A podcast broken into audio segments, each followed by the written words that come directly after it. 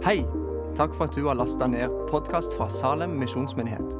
For å finne ut mer om oss, besøk vår hjemmeside salem.as. Takk skal du ha, Camilla. God formiddag. Fint å se dere alle sammen. Jeg tror vi er så mange som eh, vi har lov å være her i dag. Veldig hyggelig. Livet eh, består av eh, to komponenter. Det er ting som haster, og det er ting som teller. Ofte er det ting som teller, som får forkjørs... Unnskyld. Ofte er det ting som haster, som får forkjørsretten. Og så kan ting som teller, bli salderingsposter. Dette talte jeg om for 14 dager siden. Og jeg er klar over det hvis noen lurte på begynner han på den samme talen som han holdt søndag for 14 dager siden. nå. Men det er bare for å eh, hente deg med fra det som var temaet den gang. Og jeg avsluttet da med Kanskje noen husker det òg? At jeg hadde fremme et uh, Skal vi se Jeg hadde fremme et uh, glass og La oss si at dette er livet vårt, og så la jeg oppi noen store steiner. Så la jeg oppi noen mindre steiner, og eh, til slutt eh, sand. Og Poenget er at de store steinene de kan eh, illustrere det som teller, det som virkelig er viktig for oss. Og sanden, det er alle disse tingene som haster som banker på og må gjøres. Deadline er liksom overskrevet skredet allerede. Det er ikke så viktig når alt kommer til alt. Men det haster og kan ofte få prioritet. Og Poenget med denne øvelsen det var jo at hvis vi begynner å fylle glasset med sand, ting som haster, så kan vi ende opp med at de store steinene, ting som virkelig teller og har verdi for oss, det får vi ikke plass til. For livet er allerede fullt av alle disse små gjøremålene. Det var forrige gang. Så skal vi fortsette litt på det i dag. fordi at eh, I dag skal vi tale om åndelige praksiser. Eller åndelige vaner. Og jeg vil si litt om dette at eh, den første og største og viktigste steinen som en eh, Jesu etterfølger vil legge opp i glasset, sørge for å få plass i livet sitt, det er jo eh, livet med Gud. Relasjonen med Han. Og så kan den stå her trygt uh, som uh, et, uh, en illustrasjon på det. Relasjonen med Gud. La oss be. Så har jeg litt grann bass i min Hører du det, Svein? Sånn, ja, det ordner du. Det er sikkert i den monitoren.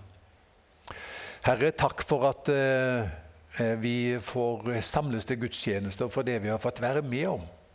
Barnevelsignelse. Nå ber vi at du skal møte og velsigne oss alle gjennom ordet ditt. Amen.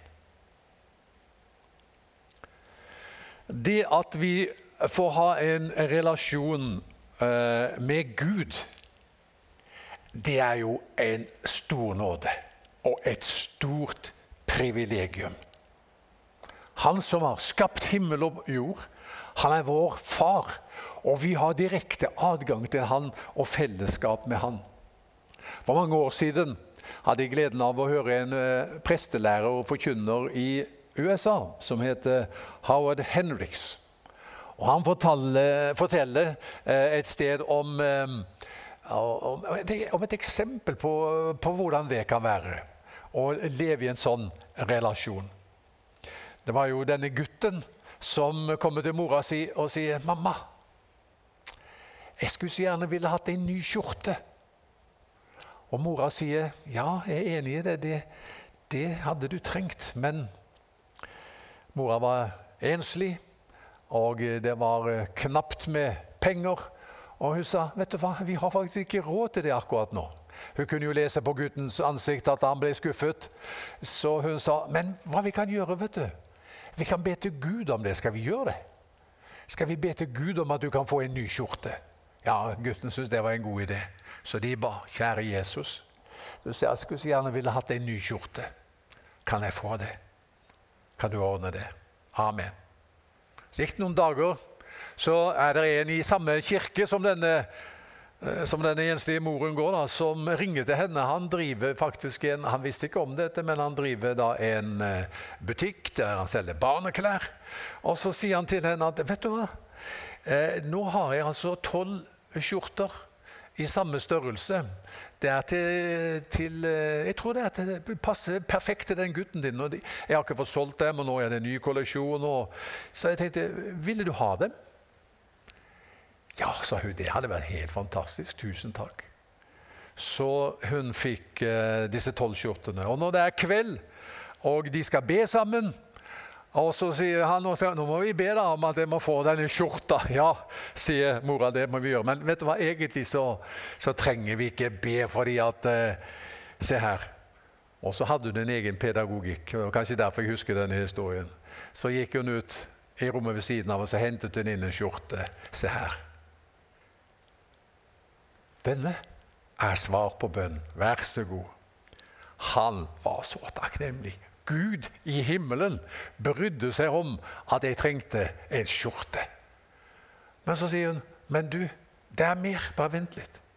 Så gikk hun ut, hentet en skjorte til. Der lå det to skjorter på dyna hans. Fantastisk! To skjorter! Men gutten min, det er mer. Så gikk hun ut igjen, hentet den tredje. Hva? Dette er jo både julaften og 17. mai på én gang, mamma. Kunne han sagt hvis han bodde i Norge, men dette var i Amerika. Så, eh, og sånn holdt hun på. Inn og ut tolv ganger. Den stabelen av skjorter. Da var det en som skjønte det finnes en Gud i himmelen som hører bønn. Så fantastisk at vi kjenner ham og har en relasjon med ham. Mamma. Ikke sant? Ok. Denne relasjonen med Gud den er i utgangspunktet ingen selvfølge. Det koster egentlig Gud ganske dyrt å vinne oss denne relasjonen tilbake, fordi vi hadde syndet. Vi hadde vendt ryggen til Gud, gått våre egne veier, og skylden vi hadde pådratt oss, den, den sto liksom som en mur mellom oss og fellesskapet med Gud. Men da Jesus døde, det er poenget med hans død, så var det for å åpne adgang for oss til Gud gjennom fellesskap med ham. Jeg pleier å si det slik Da han for opp til himmelen etter at han døde og sto opp igjen, så lot han døren til himmelen stå åpen etter seg. Så Derfor heter det i Hebrevet 10,19.: Så har vi da søsken frimodighet ved Jesu blod til å gå inn i helligdommen. Det betyr at alle ved troen på Jesus har adgang til Gud og kan ha fellesskap med Han. Ha en relasjon med Han.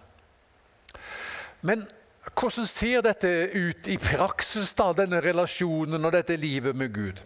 Ja, Fra en side sett så er det jo et 24-7-liv. Uh, eh, jeg liker T-skjorta. Ja, den du har på deg er fin, Jan Egil, men den du hadde i går var enda, eller forleden var enda kulere. Der sto det 'Jesus is bigger than Sunday'. Så liksom, livet med Gud de er liksom ikke begrenset til den hellige timen på søndag formiddag. De er et 24-7-liv.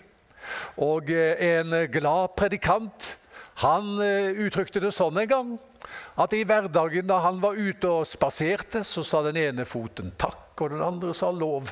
Og så når han var ute og gikk, så var det takk og lov. Takk og lov. Det var liksom rytmen og melodien i livet hans. Og en dame sa det sånn at 'jeg har funnet ut det', sa hun. Hun hadde tydeligvis en god relasjon med Gud, hun også. Hun sa 'jeg har funnet ut det', sa hun, at når jeg har sagt Salme 23 høyt for meg selv fem ganger, da er eggene kokt. Så det er greit. Så da kan jeg ta de av, og så kan vi ha frokost.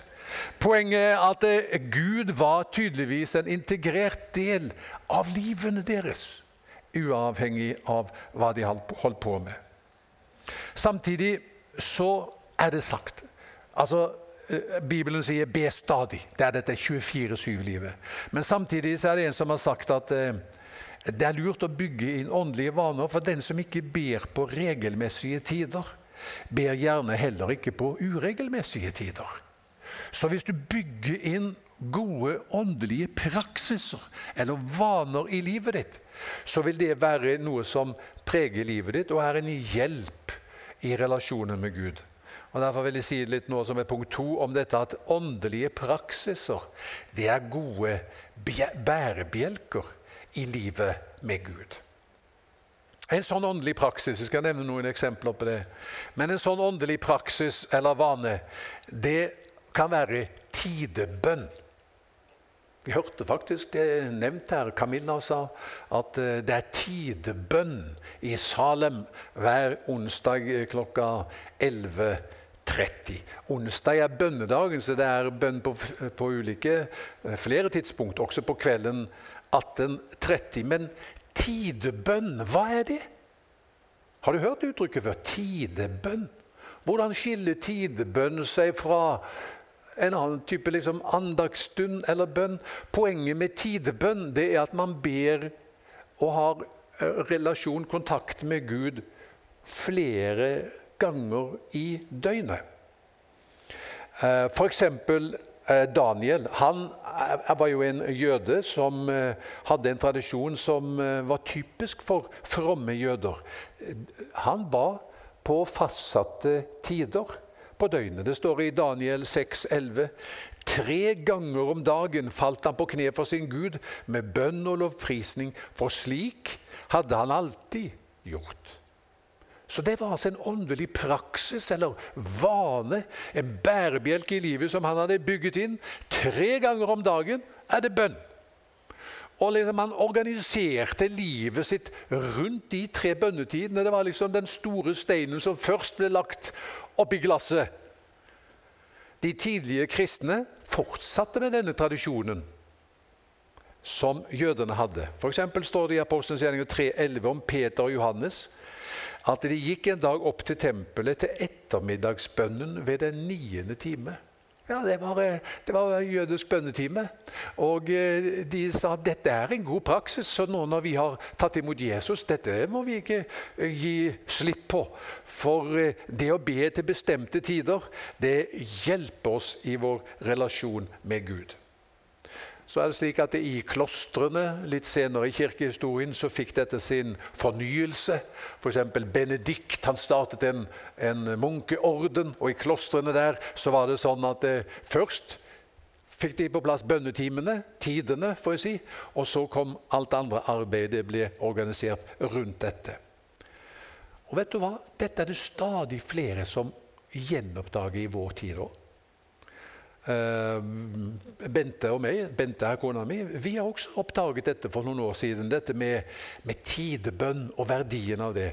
Så vi har en bok her jeg tok den med meg. Den ser sånn ut. Eh, den heter rett og slett bare 'Tidebønn'. Og her er det anledning eh, til å be fire ganger om dagen, faktisk. Og det er alt sammen bønner fra Salmenes bok. Og det har vært en sånn berikelse i livet vårt. Jeg vil si Det er et før og et etter uh, i mitt bønneliv når det gjelder, når det gjelder bønn. fordi at uh, før tidebønnene så kom jeg veldig fort i det som var litt sånn meg, mitt og mine bønner. Og litt problemfokusert. Og, og min bønnetid ble ofte preget av forbønn. Mm. Og forbønn er bra, men her er det et annet perspektiv. Her løfter du blikket, og så tilber du. Og så lovpriser du. Og så har du samfunn med Gud, og så ber du bønner som er, er, er Bibelens bønner. og Du bruker ordene eh, derfra. Så det, det, kan vi ikke anbefale det, Bente? Jeg tror vi kan det. Ja, det kan vi faktisk. Tidebønn sånn ser den ut. Og så har vi en annen som vi har begynt på akkurat nå. Den heter puls. Sånn ser den ut. Og Det er en 40 dagers reise med overkommelig hverdagsbønn.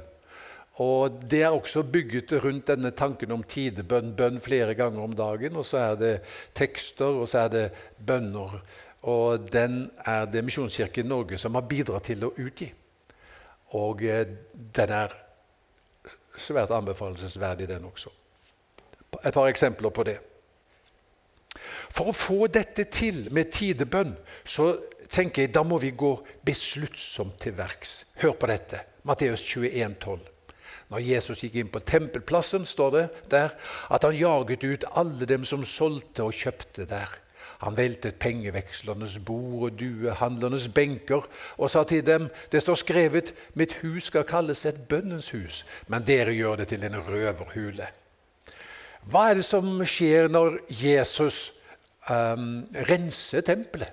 Du, han rydder det for det som er sekundært. Og det taler til meg når jeg leser den teksten. vet du hva? Så tenker jeg hm, det må sannelig jeg gjøre òg. Jeg må se på livet mitt og så må jeg spørre hva er primært, og hva er sekundært? Og så må jeg passe på at det som, ikke er, det som er sekundært, ikke fyller hele synsfeltet. Eller fyller hele kalenderen og opptar all tid. Jeg må rydde noe plass, slik at det som er det viktigste for meg når alt kommer til alt, nemlig å utdype og vokse i relasjonen med Gud, at jeg får plass til det. Og da kan eh, eh, tidebønn være en god hjelp. En, åndelig, en, annen åndelig praksis når jeg snakket om tidebønn, en annen åndelig praksis det er å, det er å lese eh, Guds ord. Før i tida Vet dere hva kristne ble kalt da? Ja, det er Kjært barn har mange navn, men har du hørt ordet lesere? Ja. Og jeg for min del, da jeg ble konfirmert, jeg leste for presten. Er det noen her som har lest for presten? Ingen? Har du gjort det, ja? Ja, vi er noen som har lest for presten. Vi kan jo danne en klubb, vi kanskje. De som leste for presten. Jeg vet det. Men lesere Jeg vet ikke om Er vi lesere i dag? Det er litt både òg. Det som jeg for si, Bent og meg har funnet ut, det som vi har funnet ut, er at dette kan vi hjelpe hverandre med. og Nå tok jeg ikke med meg telefonen, er ikke nødvendig heller, men det finnes mange slags apper. Og det finnes bibelleseplaner som kan være veldig gode å følge, som hjelper deg å komme inn i en åndelig eh, praksis i forhold til regelmessig bibellesing. Er det lurt?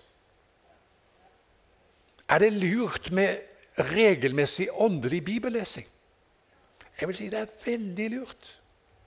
Bibelen informerer. Det er det første. Jeg vet ikke hva slags forhold du har til eh, bruksanvisninger. Men nå kan jeg fortelle hvilket forhold jeg har til bruksanvisninger. De er ikke-eksisterende i livet mitt. Eh, jeg har det samme forhold til eh, bruksanvisninger som hunder har til telefonstolper. Den var dyp. Men Men skal du høre det Kona mi hun har et Den har du ikke hørt meg si før. Den kom jeg på her og nå. Den står ikke i notatene heller. Men, men, saken er den at, at jeg har funnet ut etter hvert Bente hun sier da til meg at vet du, AG, har du lest bruksanvisningen? Nei, jeg sier jeg har ikke det.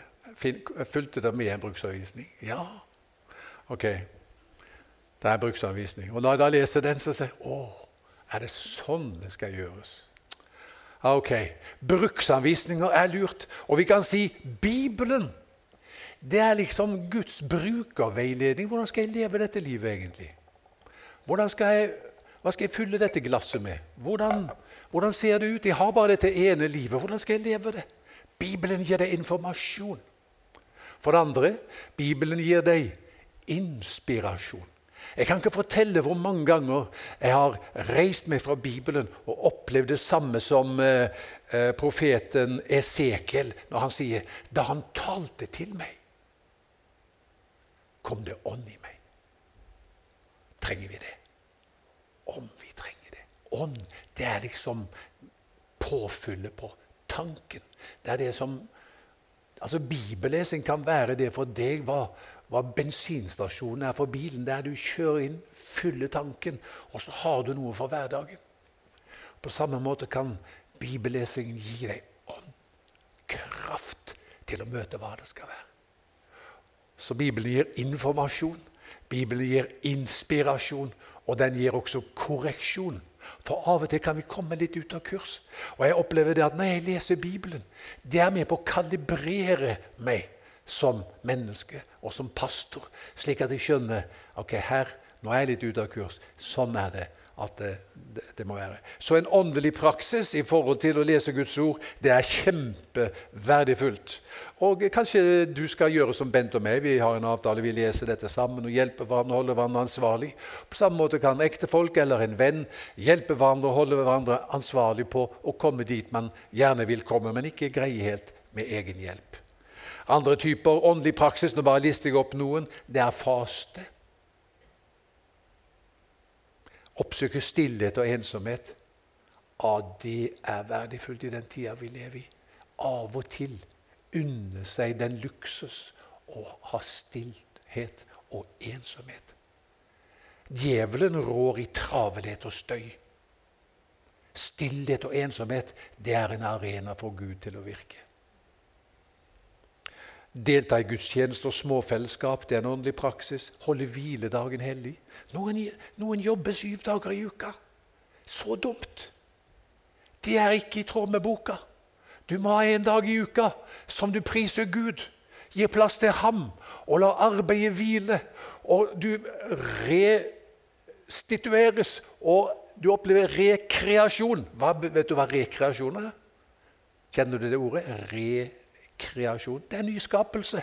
Fantastisk! En dag som, er, der, som du er stille for Gud og lar arbeidet hvile, det blir en nyskapelse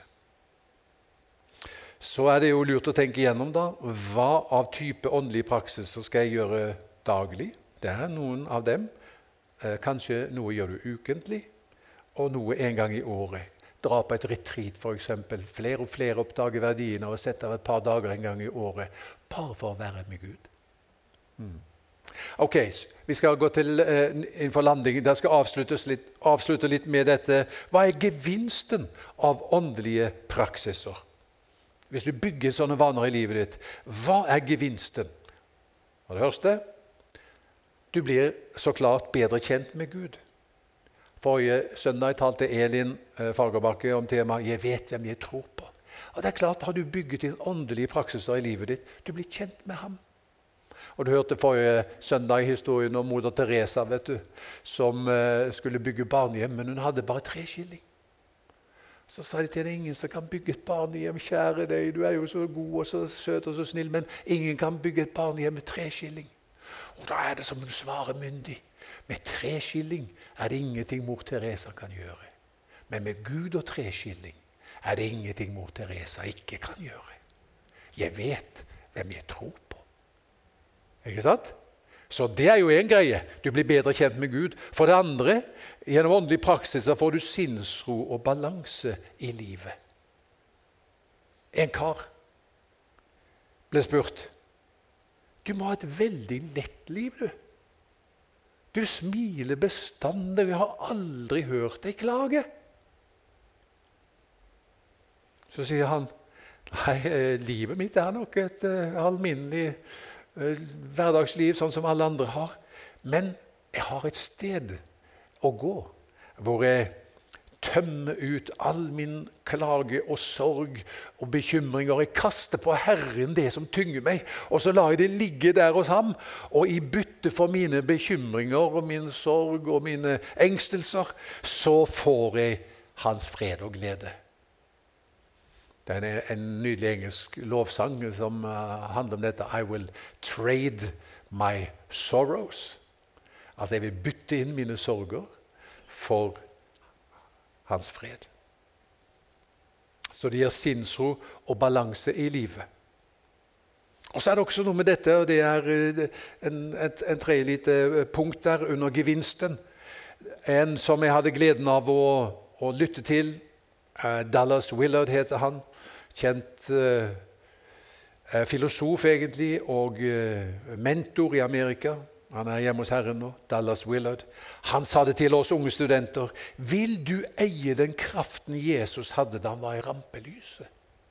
Da må du også innrette livet ditt slik han gjorde det mellom slagene. Og Når vi ser hvordan innrettet Jesus livet sitt mellom slagene, så ser vi at han, han regelmessig hadde disse åndelige praksiser som jeg har referert til. Så åndelige praksiser, hør hva jeg nå sier. Dette er en viktig setning. Den vil sette deg i stand til å være og gjøre det du ved direkte viljesanstrengelse ikke ville få til. Fikk du tak i det? Hvis du har bygget inn i livet ditt åndelige praksiser, så vil det sette deg i stand til å være og til å gjøre det du ved direkte viljesanstrengelse ikke ville få til. Forskjellen er som eh, å hoppe høyde med eller uten stav. Hopper du høyde uten stav, er du god hvis du eh, ikke river på to meter. Får du en stav i hånda og har litt trening, så kan du faktisk med, med litt teknikk komme over fem meter. har jeg lest. Og hva staven er for høydehopperen, det er åndelige praksiser for livet vårt. Til slutt, nå går jeg inn for landing. Hør hva jeg nå sier. Du blir hva du gjør. Noter deg det. Du blir hva du gjør. Det du repeterer ofte, former deg. Hvis du gir rom for åndelige praksiser i livet ditt, samvær med Gud i bønn og, og i bibellesing, hvordan dette tar seg form Du blir hva du gjør. Det er jo sånn vi nunner til musikken vi liker. Gjør vi ikke det? Og vi plukker opp dialekten fra stedet vi vokste opp. Og når du er sammen med Gud, så begynner du å nunne på hans melodi. Og så får du en, en, en dreis på dialekten som minner litt på dette, minner om dette at du har vært sammen med ham. Ja, Det var det jeg hadde på hjertet. Og så må jeg bare avslutte med å si at uh, dette er mulig. Dette livet er mulig fordi det ble reist et kors og åpnet en grav. Han som gikk, inn i himmelen, han lot døra stå åpen etter seg, og så sier han, 'Kom inn'. Det er dette du er skapt til. Når du kommer inn i fellesskap med meg, da er du i berøringspunkt med livets innerste mening. La oss be. Herre, takk for at eh, du har skapt oss til deg. Det står 'av ham og ved ham og til ham er alle ting'. Du er vårt livs opphav. Takk at vi også får lov å leve livet vårt da i samfunn og fellesskap med deg. Og takk at det er et stort privilegium at vi får anledning til å bli kjent med deg dypere og dypere dag for dag. Jeg ber for hver enkelt som har lyttet til denne tale og undervisning, at de skal få lov å ta noen små skritt og med frimodighet pga. Jesu blod tre inn i helligdommen, altså inn i ditt nærvær. Amen.